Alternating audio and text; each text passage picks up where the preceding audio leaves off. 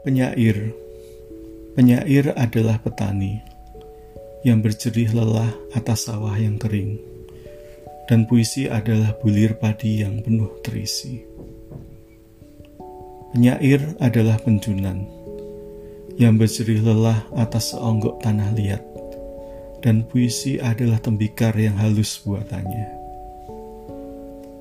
Penyair adalah pemusik yang berjerih lelah atas nada-nada yang terabaikan, dan puisi adalah sebuah kidung untuk kekasihnya.